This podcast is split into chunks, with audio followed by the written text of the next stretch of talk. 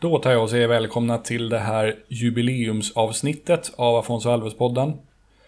Det här är avsnitt 50 och den här gången har jag intervjuat ingen mindre än den tidigare allsvenska innermittfältaren Martin Eriksson. Martin behöver nog ingen närmare presentation, åtminstone inte för de som har följt svensk fotboll sedan millennieskiftet ungefär. Eh, Martin spelade under sin professionella karriär för Brage, IFK Göteborg, Ålborg, Bröndby, Elfsborg och Häcken.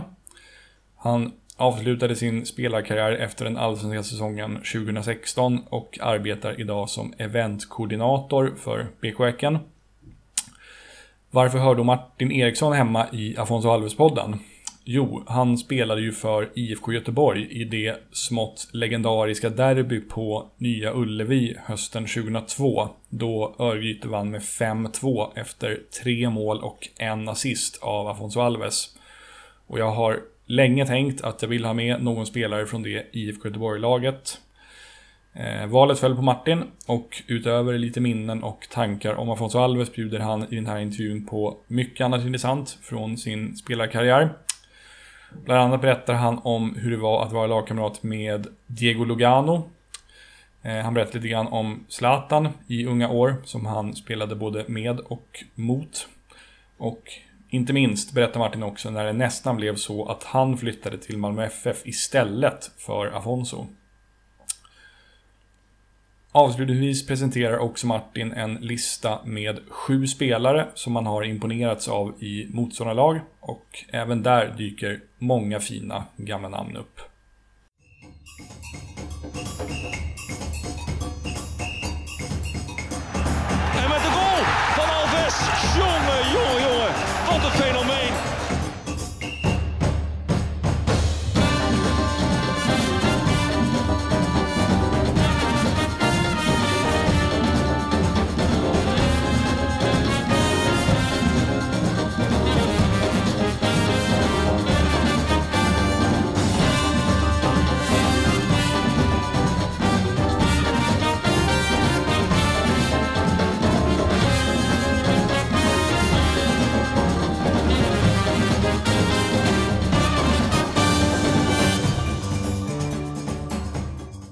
Yes, då kör vi faktarutan först då. Eh, så då kör vi fullständigt namn till att börja med. Martin Kjell Henrik Eriksson. Mm. Eh, ålder? 38. Eh, kommer från respektive bor i? Kommer från eh, Gustafs strax utanför Borlänge Mm. eh, och bor i Mölnlycke strax utanför Göteborg. Just det. Det är ett tag sedan du bodde hemma i Dalarna nu, kan man lugnt säga. Ja, det är. Det, är, eh, det var ju en, en liten... Eh, Brage var här och besökte oss igår i Svenska cupen. Så var, Ja, just det. eh, det var 19 år sedan. 2000, 2001 som jag flyttade. Ja. Hur mycket saknar du i Dalarna? Nej, jag saknar, jag saknar vintern nu när jag har slutat spela. Mm. Eh, men jag har två, två syskon med familjer kvar i, i Dalarna. Så att jag har fortfarande i alla fall lite anknytning. Du hamnar där ändå ibland liksom. Ja, emellanåt. Ja. eh, då ska vi se. Sen tar vi favoritspelare genom tiderna och det kan vara en eller flera och, och nu aktiva eller sådana som har lagt av. Ja, frågan är om inte Messi är den största genom tiderna. Men totalt sett, min favorit när jag var yngre var kanske Zinedine Zidane tror jag. Mm. Ja. Ja, det är bra val tycker jag. Eh, tvärtom då, någon eller några spelare som du inte gillar av någon anledning. ja, den är bra. Vad härlig. Um, generellt har jag väl inte så här jättestor förkärlek för såna här klassiska kämpar. Jag vill mer av den fotbollsspelande biten. Men sen, vad fan, jag, inte- jag, ja, eller så här, det är ju ingen bra fotbollsspelare, men jag, jag har inte så mycket över för eh, Pepe i ja, portugisen. Jag vet inte, det är någonting osympatiskt med honom som jag inte riktigt... Han har, eh, du är andra personen i rad och förmodligen den femtonde totalt som nämner honom. Han är väldigt top of mind. Ja, men det är någonting som, det är, man har liksom ingen, man får ju aldrig någon eh, empati för honom och liksom, man har aldrig någon sympati. Det, det är bara när han gör saker som, även om han också råkar ut för saker ibland så, nej jag vet inte, han lyckas på något sätt. Ja, nej, det, det, är ingen skön vibb kring honom direkt. Nej, det är väl något sånt. Precis. Eh, en snarlik fråga, en företeelse inom fotbollen som du inte gillar? Nej, men det är väl kanske den. Eh, så här cyniskt när man liksom skapar sig fördelar. Eh, jag kan köpa att det hör till eh, ibland att liksom man, man förstärker och sådär. Det, det, har, det har väl framförallt kulturellt i fotbollens historia, men, men lite så här cyniskt när man skapar sig fördelar. Eh, har jag väl lite svårt för faktiskt. Och sen börjar det också bli lite sådär med tiden i fotboll att effektiviteten skruvar upp. Så, så, så, när man maskar och när man, när man tillåts den liksom företeelsen, framförallt i slutet av matcher, det, det börjar faktiskt bli en större och större motståndare mot oss. Typ sådär när man tar upp bollen och kastar i en jättebåge när någon ska ta inkast eller så? Ja, men precis som man tar onödigt lång tid varje gång och det är liksom man tillåts det är så uppenbara saker som jag tyckte var väldigt synligt i VM. Eh, många matcher mot slutet som blev liksom eh, effektiv tid så kanske det spelades en halv minut på sista fem, sex minuterna. Vilket mm. jag, nej, det, det kan jag tycka är tråkigt med fotbollen för ett underhållningsvärde. Ja, håller med. Eh, sen tar vi en spelare vars skor du själv gärna hade varit i, i ett visst ögonblick. Ja, något som jag blev, alltså, något så här, som jag tänker på direkt så som jag var sjukt imponerad av var nog Pirlo. Jag kommer inte ihåg om det var EM eller VM han slog. Han hade någon magisk match, slog någon så här helt fantastisk chipstraff mm. i ett ögonblick som man tänkte att det är fan om man inte har några nerver överhuvudtaget. Det kan jag imponeras av att man liksom bara går fram helt iskall. De, de, de skorna är av Ja, verkligen. Eh, din bästa fotbollsupplevelse, tar vi sen. Eh, totalt sett på plan eller bara liksom...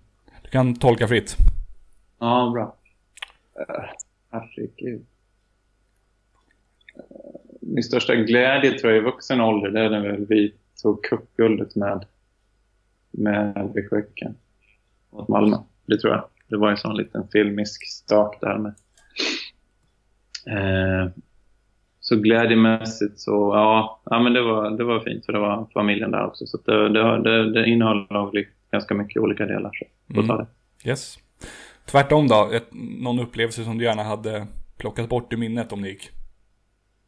Eh, ja. Det var nog när jag spelade IFK Göteborg, den, när vi skulle säkra eh, spel i Allsvenskan. Vi hade, vi hade vi hade en Kalmar hemma som redan hade åkt ut 2002. Och vi lyckades ändå förlora med 2-0. Vi hade vunnit. Men det var väl inte eh, jubel på läktaren direkt. Nej, men då, var, då kan man ju faktiskt tänka sig att göra någonting annat. Ja, jag förstår. Eh, en snarlik fråga eller något som har lite samma ämne. Har du, något, har du något tydligt minne eller någon tydlig uppfattning om vilket som är din sämsta match i karriären? Man har nog några stycken. Uh, herregud. Det var jobbigt att behöva rannsaka sig själv där. uh, jag vet att jag, om jag skulle någorlunda närminnet, så hade en ganska medioker match mot mina gamla kombatanter i Elfsborg Sen om det var, åh vilket år. 14, 15, någonstans där. Mötte dem hemma. Jag hade, låg väl, jag tror jag låg bakom ett par mål i, i baken där. På, på den, var, den stod väl inte så jättehögt på listan. Eh, det är mängder av fler, men den ligger väl hyfsat nära i alla fall. Ja. Bra. Eh, favoritsport förutom fotboll tar vi sen. Om jag utgår från att fotboll är din favoritsport. Ja, det får man väl ändå säga. Eh, jag, är ju, jag är en sportnörd så att tar vi lagsport så är det väl ändå, är det ändå hockey. Ah, okay. Spelar länge och, och, och eh, varit aktiv själv och följer. Säger jag hockey. Mm. Vilket är favoritlaget där? Mm, Färjestad. Okej. Okay. Mm. Eh, eh, vi kör några frågor utanför idrottens värld också. Eh, mm. Ett land eller en stad som du besökt som du gärna skulle åka till igen? Ja, det är väl många. Um, jag är ju jag är svag för uh, jag är svag för Italien. Vi har åkt en hel del till uh, till Toscana. Men jag skulle nog säga att jag varit lite grann uh, runt Neapel. Där har nog, där har jag nog besökt igen gärna. Mm. Även fast den är lite stökig har jag förstått. Ja, men lite stökig. Men det är mycket vackert också. Mycket, mycket gott. Mycket. Ja. Eh, favoritband eller artist tar vi sen.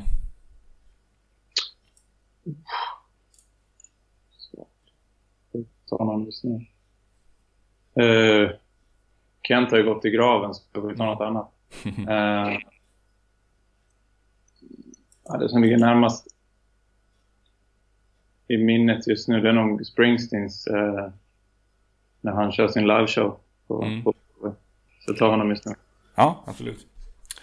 Eh, ska vi se, sista frågan i faktarutan. Eh, mm. Kan du nämna någonting så att säga mainstream som har gått dig förbi? Och för ett exempel på vad jag menar så berättade han Niklas Jarelind, fotbollskommentatorn, mm. i en podd att han aldrig har spelat Monopol. Oj. Ja, det finns det säkert. Och framförallt mainstream idag, det vi kanske är så här, tänker på sociala medier som jag är inte så jävla hype på. Men mm. Jag kan ju inte säga att det har gått mig förbi med sociala medier, men, men eh, mainstream som har gått mig förbi. Det måste ändå vara något digitala. Han har aldrig spelat, det var ju faktiskt fint. Eh, fan vilken svår fråga. Tv-serier är ju ett vanligt svar. Alltså, det är någon, någon som, som alla har sett som man aldrig ens, ens har sett en sekund av. Ah, okej. Okay. Ja, det kan man säga. Game of Thrones har jag aldrig sett. Ja, då är vi två. Det är väl hyfsat. Ja, absolut. Det tycker jag. Bra, det var faktarutan. Då känner vi lite bättre ja. som, eh, som person. Så då går vi vidare till liksom huvuddelen av podden. Mm. Och eh, om vi går tillbaka ungefär 17 år i tiden till sommaren 2002 då Afonso och Paulinho kom till Örgryte. Kan du berätta lite grann var du liksom befann dig i karriären då? Ja, jag befann mig väl på, på en ganska bra plats. Det var väl ordinarie i IFK Göteborg. Vi hade väl ett ganska bra lag. Vi kom väl från en, jag kom från en, eh, en väldigt bra första säsong mm. i IFK Göteborg från en ganska lite anonymare tillvaro i division 1 i Brage. Så att jag hade väl fått något, någon form av genombrott där. Eh, vi var väl med i toppen, tappade lite på slutet. Så att vi var väl liksom också eh, lite, inte favorittippade, men någonstans där uppe. Vi var topplag i Allsvenskan och jag, jag var ändå en, en av en startspelare. Och, ja, på väg uppåt i min, i min karriär någonstans kan man säga. Ja, det, var, det var ganska stor hype kring dig på den här tiden, eller hur? Ja, men det var det väl. Det var väl någon sån här årets... Eh, vi var några stycken, men typ bland de här årets nykomlingarna och började få plats i U21-landslaget och... Mm. Ja, det var väl... Jo, men det, så, det kändes väl ganska bra, absolut. Det gör det. Ja. Eh, den match som jag liksom har i åtanke, eh, den Afonso Alves-match som jag har i åtanke när jag, som gjorde att jag ville intervjua dig, är ju den här 5-2 matchen på Ullevi. Mm. Eh, 2002. Och eh, där gjorde han hattrick och även ja. en assist vill jag minnas. Och sen även året därpå när ÖIS vann med 4-1 så gjorde han två mål vill jag minnas. Eh, ja. Varför var han så bra och svår att få fatt på för er? Ja, man hade väl en unik... Eh, han var ju ganska modern om man ser sitt snitt som en modern fotbollsspelare idag. Liksom. Man hade en enorm, ett enormt driv med bollen och var ju fruktansvärt avig.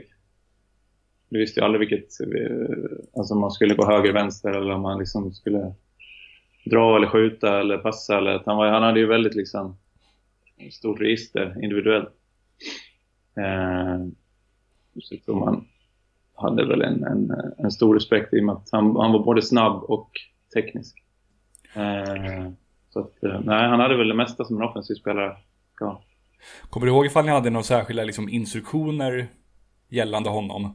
När ni mötte honom? Ja, men det är klart att, jag kommer inte ihåg i detalj, men det är klart att vi, att vi hade extra koll, skulle ha extra koll på honom. Uh, sen kommer jag faktiskt inte ihåg, men det är klart att han... Jag kommer inte ihåg riktigt, var det på våren? Måste Nej, det var på hösten. Eh, det, september, vill jag minnas. Ja, för då hade han gjort avtryck redan. Mm. Det är ju klart att, vi skulle, att, att, man skulle ligga lite extra, extra nära honom och försöka vara. Sen så hade han väl, var det någon frispark i den matchen också eller? Mm, det var det. Ja, visst var det. Uh, ja, lite allmänt så detaljer kring hans spel och sådär. Så givetvis kanske inte få in honom allt för mycket. Han och Paulinho för mycket bakom backlinjen. Skulle jag tro att eh, någonstans att vi, att vi sa. Men det är så svårt att minnas i detalj. Ja, jag förstår. Men eh, det är klart att vi ska ha ett extra, extra öga på honom, absolut. Är det, är det vanligt skulle du säga när man, alltså, när man så att säga, förbereder sig inför matcher att det är mycket prat om specifika spelare i motsvarande laget? Ja, det tycker jag. Det gäller Ja. nog Det är oftast, oftast har jag ändå det är någon eller några spelare som har en nyckel i, i, eh, i det offensiva och det defensiva spelet. Men ofta, ofta pratar, vi, pratar man så individuella spelare så är det väl ofta offensivt, eh, alltså när man, alltså, alltså man ska försvara sig mot. Så att, eh, eh, där var ju han, de hade många duktiga offensiva spelare och framförallt ett bra kollektivt spelare just på den tiden. Mm. Eh, men det är klart att han var specifikt med hans spetskompetenser. Så. Men eh, ja, det, det är nog eh, absolut, man, man har nog definitivt koll på individualister. Mm.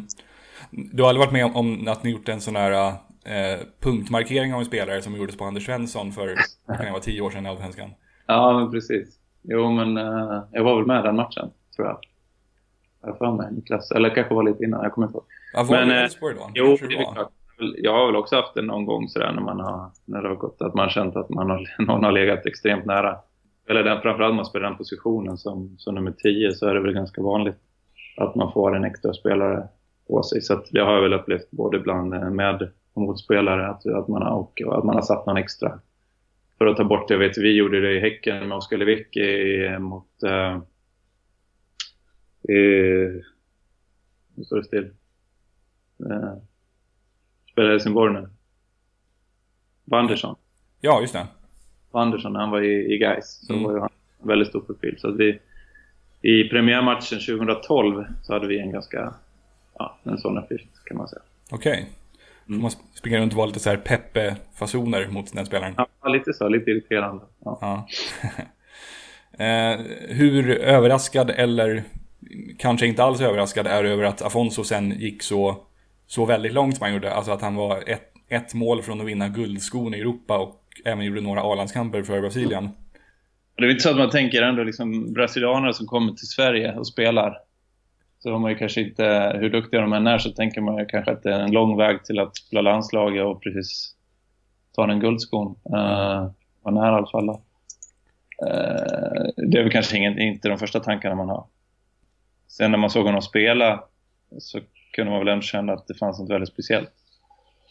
Så är det Det finns ju Mm. andra spelare som spelar i Allsvenskan som har tagit sig väldigt långt så det är väl inget konstigt så sätt. Men, men det är väl klart, just eh, brasilianer så är det väl inte så ofta som de går via Sverige och så långt.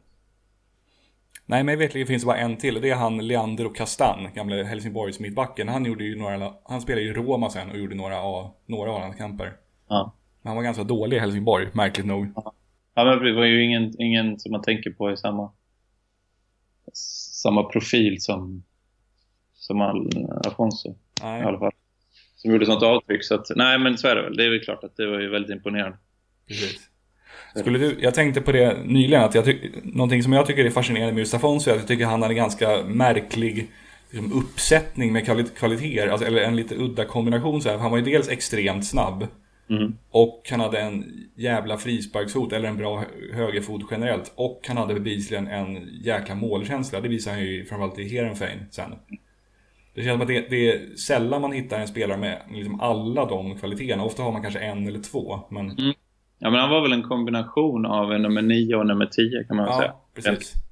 Eh, och precis som du säger, det är ju ganska unikt att du har både den här speluppfattningen och kan göra många assist och liksom ha den här fina foten samtidigt som du har en extrem snabbhet och killerinstinkten framför mål och liksom den målkänslan. Så att, nej, det är, det är, det är imponerande.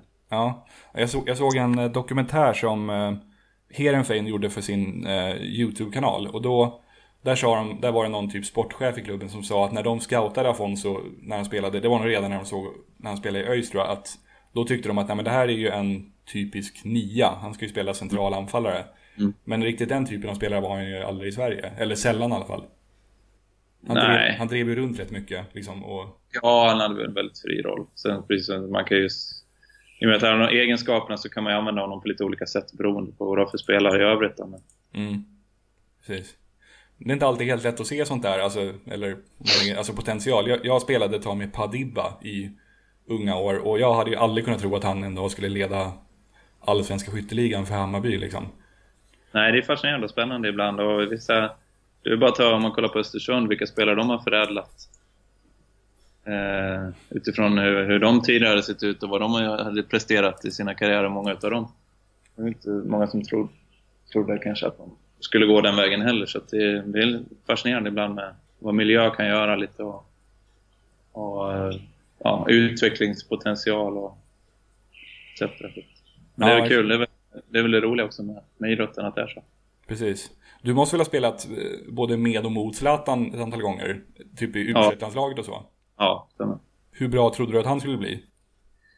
Fast det var ju lite skillnad. Han var ju så, han var ju så extremt hypad. Vi mötte honom redan i, i uh, Superettan med Brage. Han nere med Malmö. Och redan då var ju ganska, var det stor hype kring honom. Det var ju mer hype kring honom egentligen än någon allsvensk spelare.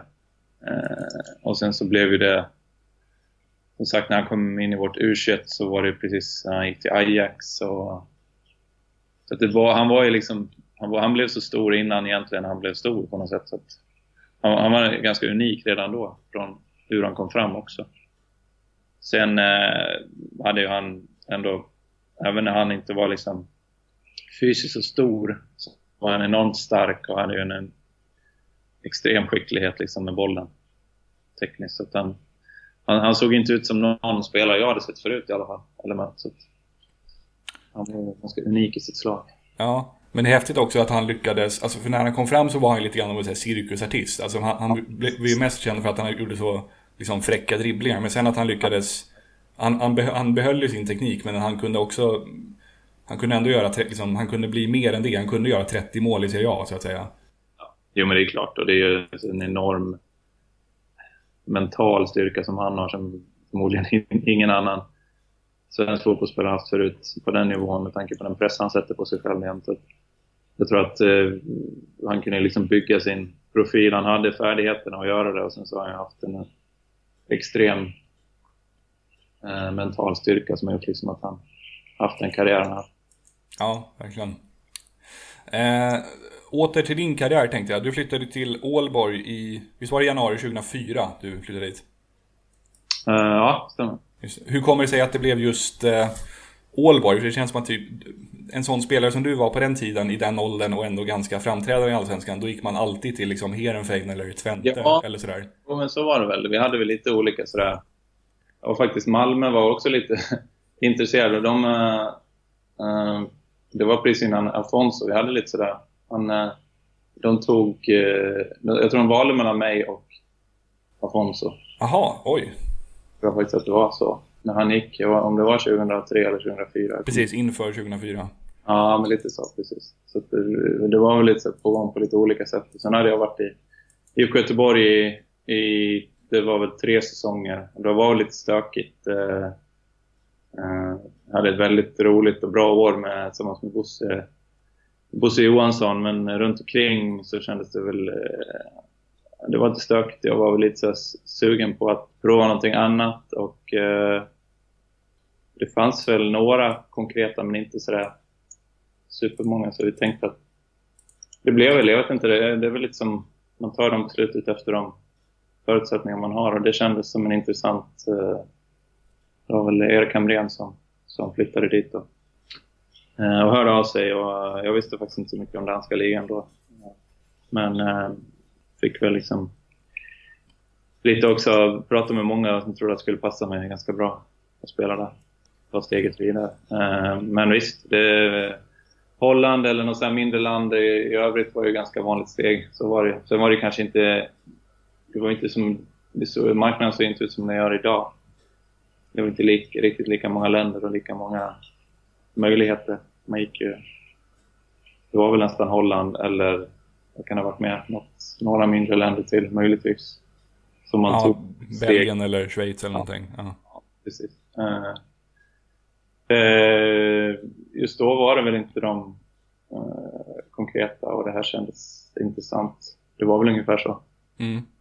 Ålborg är en trevlig stad, eller hur? Ja, absolut. Väldigt bra där. Det var bra. Det gick väldigt bra för mig. Vi hade ett bra lag. Eh, det, var, det var en rolig tid. Vi hade faktiskt väldigt eh, det var sjukt bra sammanhållning och allt funkade väldigt bra. Så det, var, det var ett bra steg som jag gjorde i efterhand också. Så att det kändes eh, som att det blev bra. Och ibland så vet man inte allt om vad som komma skall. Så att det, var, nej, men det, det, det funkade väldigt bra, både fotbollsmässigt och, och liksom personlighetsmässigt. Så det var. Mm. Visst hade Ålborg, precis som ÖIS, någon slags samarbete med Atletico Mineiro på den här tiden?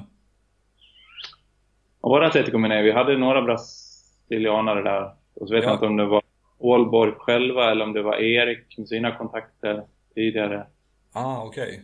Eh, Det kan jag, jag ska låta vara osagt. Jag vet inte faktiskt om det, hur det var. Men han hade ju liksom byggt upp ett, bra kapital där tror jag också. Men, men det, det är möjligt att Ålborg också hade, men det vet jag faktiskt inte. Ja, det var brassar där i alla fall. Ja, vi hade väl ett par. Ja, han, eh, eller googla lite, han, han Tulio hade någon som hette, han, som ändå hade spelat, han har spel, ändå spelat i liksom franska ligan och Span, Spanien en sväng, så han kan inte ha varit helt dålig i alla fall.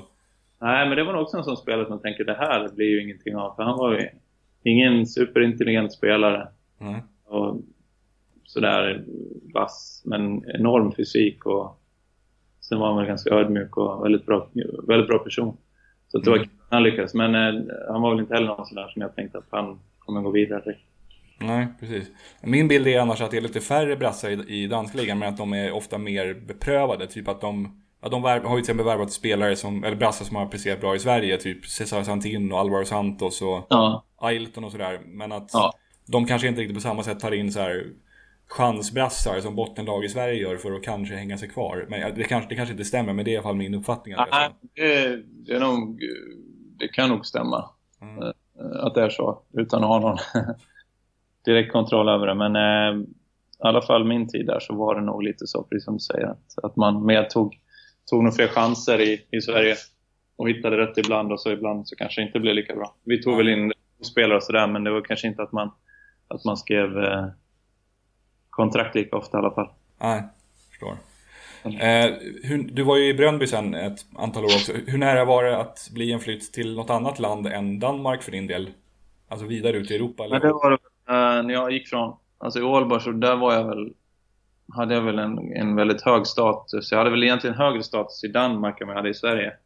Som liksom en av kanske ligans främsta och sådär och att det gick, jag, jag blev ju, det var ju en ganska stor transfer eh, från Ålborg till Bröndby, om man säger med, med skandinaviska mått mätt. Och de var väl lite i, kanske inte exakt där Malmö har varit, men någonstans där. Det var ju Bröndby och Köpenhamn. då, Så att det var väl egentligen mitt steg från att etablera mig in i landslaget och sen så gå vidare till en större liga istället för att gå till, till Holland. Eller, eh, det var ju min tanke. Det var Mikael Laudrup som tränade och många duktiga spelare. Mycket landslagsmän i Bröndby då och Spelade i Europa hela tiden. Så det, var väl, det var väl den tanken jag hade. Så det vägde högre än att, än att ta sig till ett mittenlag i Holland just då. Ja, jag förstår. Så här i efterhand känns det, liksom, känns det tråkigt att, att det inte blev spel i något mer så att säga, exotiskt land än Sverige och Ja. Danmark.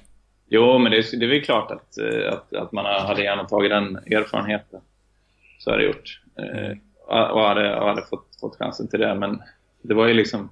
Jag hade alltid, under min karriär så hade jag alltid liksom tanke på bli så bra som möjligt, slå mig in i landslaget, eh, alltså bli proffs i ett etablerat land. Jag har väl aldrig liksom gått och sökt mig för att jag ska liksom spela i som jag sagt, idag hade man kanske tänkt annorlunda. Och då finns det så helt andra valmöjligheter att göra. Men jag hade väl liksom inga tankar på att gå till en turkisk, eh, turkisk bottenlag eller, eh, ja, eller någon annan, eller Grekland. För det var så osäkert på den då liksom. Mm. En sån transfer. Och det fanns liksom inte samma. Då, då var det bara de stora lagen i de länderna som man, som man gick till. Så att det var liksom inte, jag hade väl aldrig egentligen, min, min ambition har väl alltid varit liksom ganska hög och sen har jag gått efter det och sen så gick man på något nytt ibland, vilket gjorde då kanske att jag inte fick chansen i något av de länderna. Så att, eh, men eh, nej, det har varit kul att, att prova på, men samtidigt så hade jag kanske gjort samma val idag som jag, som jag gjorde då, utefter ja. den vetskapen jag hade. Mm. Eh, och sen vände du hem 2009 var det, eller hur? Till Allsvenskan? Ja. Just det. Och sen gjorde du ett par år i eh, Elfsborg och sen hamnade du i Häcken 2012. Det, var, det stämde inte riktigt i Elfsborg det, det, var därför du kom till Häcken, eller? Det var nog eh, rätt mycket... Jag kom, väl, jag kom hem 2009, vi fick barn, eh, blev lite annat liv. Jag eh, ingen aning om det var konstgräs, men det var första gången jag spelade. Jag hade aldrig varit skadad nästan i min karriär innan det. Lite, lite grann sådär, men inte mycket. Och sen så kom det en massa konstiga grejer som jag liksom inte fattade någonting. Så det blev mentalt rätt jobbigt också. Även om inte jag var... Jag hade inga långtidsskador, men det var många bäckar små och sådär. Så att, eh, jag tror det var någon som tittade tillbaka. Jag spelade ju ändå rätt... Jag spelade ju rätt mycket, men det var inte liksom... Det var inte som jag hade tänkt mig kanske. Det var inte liksom den... Eh, det var väl att, att, att få, få ny fart och sen köra på igen så blev det väl kanske inte riktigt. Så att, eh, jag hade jättebra i Elfsborg och trivs. Jag har jättemycket vänner kvar, men det var väl liksom inte... Ja, det, var, det var tufft mentalt just med, framförallt med, med kroppen. Att den inte svarade som man, som man var van vid. Så att, det, var, det, var, det blev mycket frågor själv. Alltså, man fick mycket frågor eh, kring sina skador och man tänkte själv man inte fattade någonting heller. Så det var, det var faktiskt rätt tufft och jobbigt ibland. Ja, det förstår jag. Eh, sen när det blev Häcken då, det, spelade det in att du liksom kunde Göteborg som stad sen tidigare? Eller hur, hur kom, fanns det andra möjligheter också som du övervägde? Ja, men det var väl lite så att vi kände att vi var etablerade här med familjen och kunde väl tänka oss eventuellt att, att flytta, men jag kände väl liksom att vi ville ha någonting... Det, var ju liksom, det blev på lån första sex månaderna, så då tänkte jag... Åh, alltså, ska jag vara helt ärlig så kändes inte Häcken supersexigt just då i den. Mm. Inte för mig och då i alla fall, men eh, så tänkte jag, vad fan det spelar ingen roll. Jag, jag testade i sex månader, så liksom, annars så går jag tillbaka till Fjällsborg så tar jag därifrån. Eh, så det var väl liksom, jag kände Jonas Henriksson där ungefär. Hade lite koll, jag hade inte så mycket koll på Häcken. Och sen pratade jag en del med Gerhardsson, vilket kändes bra. Eh, och så, så, precis som du säger, så var det en, en det var en logistisk eh, bra lösning också för mig och familjen. Så sen mm. blev det fantastiskt bra. Så att, eh, det, är, det är intressant ibland när man, hur lite man kan veta ibland innan och säga om. Ja, men eller hur? Det, ja, livet, livet är fascinerande ibland. Mycket, mycket. eh, för att återvända till temat brassar igen. Du var ju lagkamrat med Paulinho i Häcken under ett ja. antal år där. Mm. Eh, hur bra är han i förhållande till liksom, andra anfallare som du har spelat? med ja, eller mot? Han är, det måste jag säga att han håller väldigt hög nivå. Väldigt imponerad. Eh, hade väl inte jag tyckte inte jag hade den bilden av honom sen innan. En helt okej okay spelare tänkte jag när vi skulle få tillbaka honom. Men, så, men kanske inte... Jag vet att de andra pratade ganska gott om, om honom så att, att, att de var väldigt bra. Men jag hade nog inte den bilden. Men, men när han kom så fick jag det. Han är ju en unik, liksom, han är ju en riktig som säga, jävla killer och liksom, han har ju också den mentala styrkan att alltid att alltid vara så bra som man kan vara ungefär. Det är väldigt sällan han har en riktigt dålig match. Det är...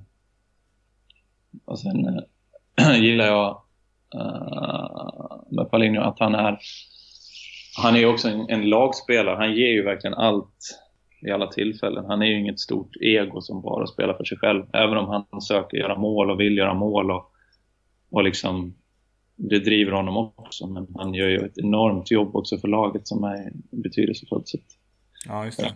Jag är väldigt imponerad av, av honom. Uh, får jag säga. Det är synd att han inte är 23, liksom, eller för, för, sin skull så att säga. Eh, ja. Men eh, det, det, kanske också å andra sidan innebär att ni får ha kvar honom. Nej, så är det Det är väl det, det är så det är. Sen är det väl, allting hänger ihop. Han kanske behöver, han har ju alltid varit bra, men det är också så här, med mognad som fotbollsspelare, ibland är det vissa saker som, som liksom passar in i, i livet och att man som faller på plats och man lär sig på ett helt annat sätt och hur man ska spela och hur man ska använda sina färdigheter. Mm, precis. Sen måste jag ju, på tal om sydamerikaner, fråga om Diego Lugano också. Han var ja. I Häcken. Det var en kul ja. men lite märklig tid i Häckens ja, historia. Hur, Hur var han som lagkamrat? Ja, han var ju också otroligt ödmjuk, får man säga, utifrån hans erfarenheter. Och att han kom till Sverige liksom, och, och lilla, lilla Häcken och, och spela.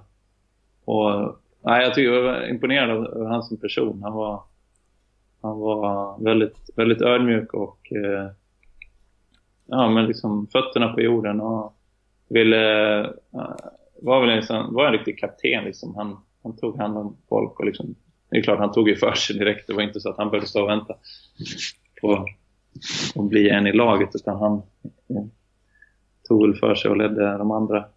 Eh, sen han väl, hade väl ganska, kanske inte sin, han hade tufft med, med kroppen och skador och sådär men otroligt professionell hur han tog hand om sin kropp och liksom hur han, hur han förberedde sig i, där märkte man en skillnad på hur, den, liksom, hur det har varit i Sverige och hur han hade levt. Liksom. Han kunde sitta med en... Uh, han satt och, med såna här elektroder sex timmar i bussen och bara liksom i Stockholm och liksom bara fokusera på, på igång kroppen. Och, och liksom var ju alltid krävde alltid behandling och att liksom förberedelserna skulle vara perfekta. Liksom. Det, var, det var ju kanske ett steg över vad man är van vid med den svenska liksom, modellen. Men, eh, men framförallt som person så var det en väldigt bra, måste säga. Var otroligt ödmjuk och, och fin människa. Ja. Hur, hur skiljer sig alltså en, en spelare på hans nivå, om man tänker en, en sån mittback, vad skiljer honom från en liksom, halvrackig mittback i Trelleborg eller så? Alltså hur, vad är det mest, vad är det mest tydliga som man ser? Ja, det är svårt att säga. Nu var inte han, som sagt, han var ju tekniskt och fysiskt inte på topp kanske när han kom. Men man såg ändå hans inställning och liksom hela den här hur han levde fotboll från ja, i hela kroppen liksom på ett sätt. Eh, hans hängivelse på plan. Liksom det var, sen var ju han liksom nivån, han gick ju in med, med helt andra insatser i, i duellerna. Kanske än vad ofta den svenska mittbacken gör. Eh, så det var en, man ska säga passion, men någonting, någonting så märker man ju liksom att han har, han har varit med på en annan nivå även om han är fysiskt på ett annat, inte på topp just nu så, så um, det, det smäller rätt bra när han, när han, när han ville. Jag tror de är kända för det, just uruguayaner, att det, det läggs inga fingrar emellan, så att säga. Nej, så var det Det var ju både egentligen på träning och match. Det kunde, kunde ta sig den uh, vägen. Ja, just det. Det för ju lite tankarna till, jag tänker alltså just att han kom till Sverige när Ibrahim Ba kom till Djurgården. Kanske med den skillnaden att, att Lugano var mycket bättre, men... Ja, det, var, det är ju spännande när det kommer så här. Man blir ju liksom lite så eh, Det händer väl med jämna mellanrum att det kommer lite profiler så här. Det, är, det är kul, även om man kanske har velat haft dem lite tidigare. Men det är ju svårt att locka dem ekonomiskt. Ja, precis. Men, eh, vad ska man säga, det är, det är väl en rolig... Det blir ju lite... All uppståndelse blir det är ändå liksom det är ändå bra för, för Sverige och Allsvenskan om man får lite extra. För. Ja, precis. Eh, nu ska vi se, du, jag tänkte prata åter till dig. Eh, du la av som spelare efter säsongen 2016, eller hur? Ja. Och idag jobbar du som eventkoordinator för Häcken. Eh, kan du berätta vad, vad du gör om dagarna så att säga? Vad har du för arbetsuppgifter? Ja, ja men jag har en, eh, men vi har ju både eh, då BK Häcken eh, och alla allt som, som har alla marknadsbitar som har med det att göra. Så jag kan säga att BK Häcken jobbar jag eh, evenemang så tillvida att jag jobbar med matcher och matcharrangemang och publikrekrytering. Det är väl en, en, jag har väl en lite mer som marknadsmässig tjänst på BK Häcken. Mm. Eh, Medan så, så har vi också Gothia Cup.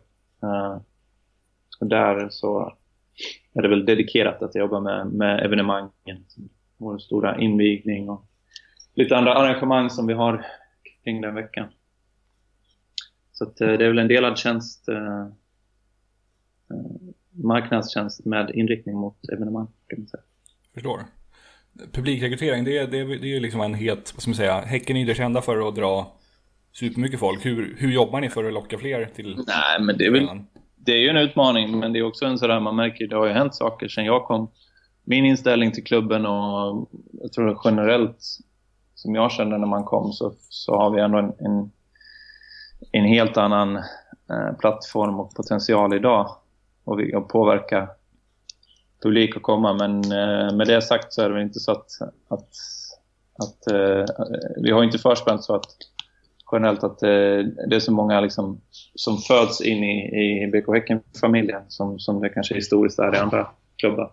Så vi måste jobba med att få, få nya fans och jobba ganska aktivt i närområdet eh, med ungdomar och även eh, ja, vi är ungdomar och familjer mycket men givetvis också våra befintliga och, och att, att de ökas. Vi, vi har ju en, eh, eh våra supportrar som, som, som stadigt ökar och blir, eh, växer sig starkare. Man märker också liksom där att, att det är fler och fler som, som, som tycker att vi gör, vi gör bra saker och vi står för en, en bra fotboll och det är roligt att gå på, på våra matcher. Så att, även om vi, vi ligger en bit eh, efter i snitt så, där, så, så, känns det väl ändå som att vi är på väg, på väg att växa.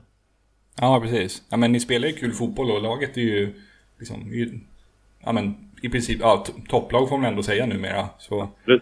hoppas på fler Paulinho-mål. Eller ja, Mervan, Mervan Seli kanske också. Ja, det... målform. Nej, men så här, vi har, vi har en massa potential. Jag tror att man kommer nog se det närmsta åren också att BK Häcken kommer ta, ta större andelar av både sportsligt och marknadsmässigt, det tror jag. Ja, kul. Mm. Um, hör du, ska vi gå över till sista punkten, nämligen topp 7-listan? Ja, just det. Uh, som då är ett stående inslag, så alla som är intervjuare får ta ut en sån här topp top 7-lista på lite olika ämnen då. Eh, kan du gissa varför det är just sju som jag bad dig ta ut?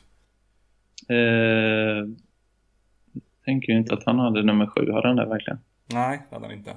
Nej, Nej då får du hjälpa mig. Det är att han gjorde ju sju mål i en match i Heerenveen. Jaha, ja just det. De, de vann med 9-0 och han gjorde sju kassar. Hur många assist hade Lasse Nilsson några? Han hade lämnat då faktiskt. Hade han lämnat? Ah, okay. Det var säsongen efter. Annars hade det nog varit tre, fyra stycken misstänker jag.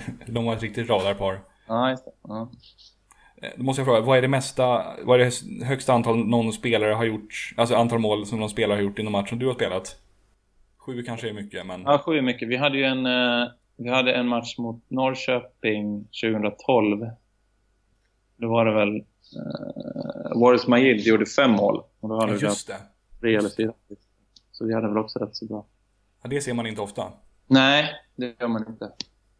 Han gjorde ju rätt mycket mål den säsongen. Nej, ja. fem mål, kanske någon, någon liknande någonstans. Men det är väl det som ligger närmast tror jag. Ja, förstår. Eh, och ämnet som jag gav till dig var eh, spelare som har, du, spelare i motståndarlag som du blivit imponerad av helt enkelt. Ja. Eh, under matcher och så. Eh, så det är egentligen bara att köra igång. Gärna någon, någon liten motivering till varje namn också. Ja, alltså först och främst får man säga att alltså när man blir imponerad av någon så är det, då har man ju kanske, då är det kanske inte de absolut största spelarna man har mött. För de har ju man en, någonstans någon förväntning på att de ska vara jävligt bra. Så att, eh, jag vet inte, jag tror... Eh, ska vi börja bakifrån så kan jag väl, eller bakifrån. Vi kan, vi kan börja från kronologiskt ordning så var det väl när jag kom upp i, i Brage, division 1 norra. Då hade man ju liksom inte så mycket koll egentligen på de spelarna man mötte då. Eh, Sundsvall mötte vi rätt ofta och då har vi, vi har ju vår kära Emil Forsberg, men pappa, Leif Poppa Forsberg. Han var en riktigt eh, skön lirare. Eh, som, eh, ja, men han, eh, han blev imponerad. Han hade teknik och ja, han var ju en föregångare för, för sin son. Eh, Eh, även om han kanske är ännu bättre så... Ja, han var en, eh, en spelare som hade rätt mycket offensivt. Han var väldigt fina fötter och målskytt och samtidigt också duktig individuellt. Så det var ändå en spelare som jag, som jag minns i, i ung ålder. Även, då var man inte så imponerad så mycket, men han var, han var duktig. Eh, sen har vi väl i Allsvenskan så så var det nog några stycken, men jag tror ändå Afonso alltså, var ju den ledaren som stack ut. Eh, som jag sagt tidigare, med den enorma liksom, spetskompetens att han... Jag är ju svag för sådana spelare som man liksom... Så kan använda... Som man inte riktigt vet. Lite den här Messi-grejen. Han kan... Han går när man är på fel ben och kan gå höger, vänster och han kan liksom avgöra när han ska passa eller skjuta eller den här avigheten. Eh, och den kände man av när man mötte honom kunde vända åt andra hållet. Så, så att, nej, den var, den var vass. Mm. Eh, till, eh, I danska ligan så hade väl eh, några stycken också uh, lite mina föregångare i Bröndby. Jag kommer ihåg första gången jag mötte Agger. Det var Agger, när han kom Mm. ung. Han hade ju en extremt snabb... Han gjorde väl... Var det en halv säsong eller en säsong i Bröndby? Men han spelade ju sig in i Bröndby i landslaget på några matcher liksom. Han hade ju det där moderna snittet liksom. Han var ju iskall mentalt. Kunde liksom köra en Cruyff-vändning på mållinjen och dribbla Eh, samtidigt som han hade den här liksom, ändå att han var så orädd och gick stenhårt in i duellerna och fast han var så ung när han kom upp. Det kommer jag ihåg att jag var väldigt imponerad av. Jag mötte dem. Så hade de en till väldigt eh, fin spelare eh, på yttern som hette Thomas eh, Kalenberg, eller Kalenberg på danska. Ja, just det. Ja, också en sån spelare med fantastiskt fin speluppfattning och inte, inte grymt snabb eller så, men eh, gjorde väldigt få fel och mycket assister och mycket låg mycket bakom väldigt mycket i deras spel. Liksom. Han, han valde ofta rätt. Gick till franska ligan sen har jag för mig va? Ja, stämmer. Mm. stämmer. Uh, det var en spelare som jag, som jag gillade. Eh, Mm. Sen har vi... Vad har vi mer? Ja, men om jag ska ta en, en spelare som man förväntar sig vara bra men som ändå var, som jag mött ett par gånger. Eh, Didier Drogba. Ah, Eh, han hade ju sån enorm fysik. Man kan liksom... Kommer ihåg, det kunde vara liksom två eller tre spelare som hängde på honom ändå så vände han runt liksom. Allihopa med som en ryggsäck liksom och bara sprang vidare. Det var, och ändå hade sån kontroll på, på bollen samtidigt. Så att det var, nej, det var, det var faktiskt imponerande. I vilket sammanhang mötte du honom? Jag mötte honom i träningsmatch i, eh, när han spelade i Chelsea och sen så en landskamp för Elfenbenskusten också. ah, okej. Coolt. Den var. Ehm, sen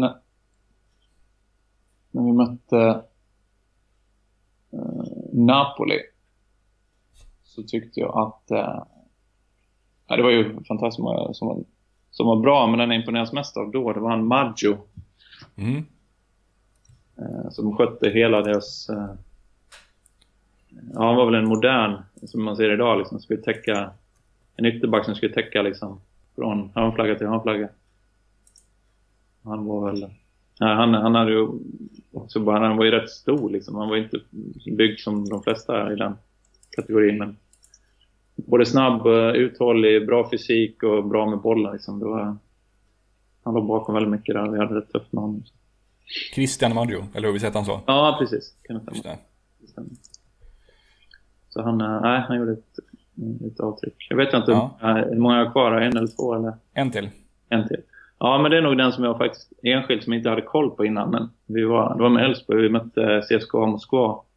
Så han Milos Krasic. Ah, och jag har nog sällan skådat någon som hade så mycket lekstuga med, med lag som han hade. Ja, det var helt absurt liksom. Vi kunde ligga tre, fyra gubbar men då liksom körde han dribblar, körde någon tunnel, någon vändning och så tillbaks kanske något väggspel. Alltså det, han, han gjorde precis vad han ville i stort sett. Och han blev ju köpt av Juventus men där gick det väl inte sådär eh, jättebra efter det nej, alltså det- konstiga med honom var att han var, alltså han, han var ju uppenbart, alltså han var ju bra i CSKA, men sen, sen det var det som att det liksom inte riktigt lossnade för honom efter det. Så han, det känns att han nästan pikade när han var så här 24-25 i CSKA. Och sen var det Juventus, Fenerbahce och sen Ja, han la av för kanske ett eller två år sedan när han inte var så gammal. Så det blev liksom inte så himla mycket mer. Nej, han är inte så gammal. Nej, precis. Det känns som att han fick någon mental block liksom, i Juventus. Så det, det är ju det är fascinerande hur det kan vara så. Från just att spela, vilken miljö man passar i. Liksom. Jag tror ju en potential hade han att spela Juventus, men, men det fick inte ut det bara. Liksom. Nej, precis. Han, eh, han var nog en, den, alltså enskilt som jag har imponerat mest av i en match. Det måste jag säga. Kul. Men det var en väldigt, alltså från Leif Forsberg till Drogba och Milos Krasic. Det var en Ja, in, jag intressant lista. Ja, nej, men det är mest det att man inte... För mig är det mer så här vilka som, som överraskar på en. Som man, som man liksom inpass av på planen. Ja. Det känns ju annars som att när man möter de här äh, öststatslagen som man kanske inte har järnkoll på, att de, de har ju så pass mycket stålar att de, det kan finnas ett rätt jäkla bra spelare där som man kanske inte känner till på förhand, men som är fruktansvärt bra. Ja, ja, ja. Jo, men så är det. Jag minns att A, A, det var AIK mötte de en Dnipro ja, någon, någon typ Europa League-match Då hade de någon, var en ytter, nu minns jag, de, de hade ju två som var så himla bra. En som hette Konoplyanka och en som hette Jan Jarmolenko. Det var någon av dem som hade så här total jäkla lekstuga. Och det var ju flera aik som har liksom som har intygat efteråt att där, där hade man inte en sportmössa att hänga med. Liksom. Nej, men lite så. Nej, imponerande fysiken eh, och kontrollen liksom, på, på boll. Så att, nej, det ligger nog mycket i det. det, gör det.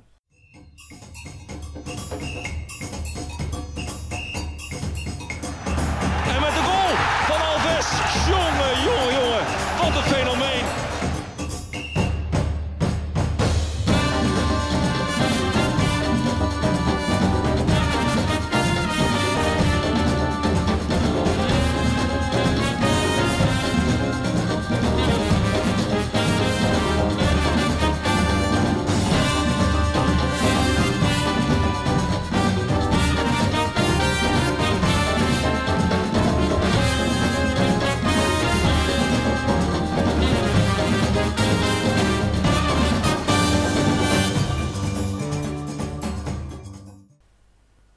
Sådär ja, då tar vi och tackar Martin Eriksson för att han tog sig tid att ställa upp på den här intervjun och vi önskar honom förstås all lycka framöver.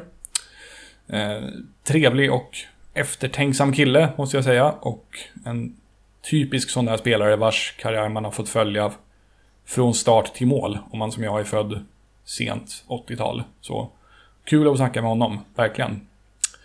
Eh, fler intervjuer är på G. Jag ska göra en redan nu på torsdag eh, den här veckan. Och det är en riktigt, riktigt tung pjäs i Afonso Alves universat, måste jag säga.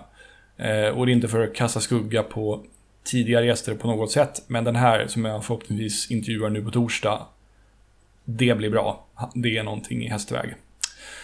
Eh, ha det så bra så länge. Tack så mycket för att ni har lyssnat. Tja tja.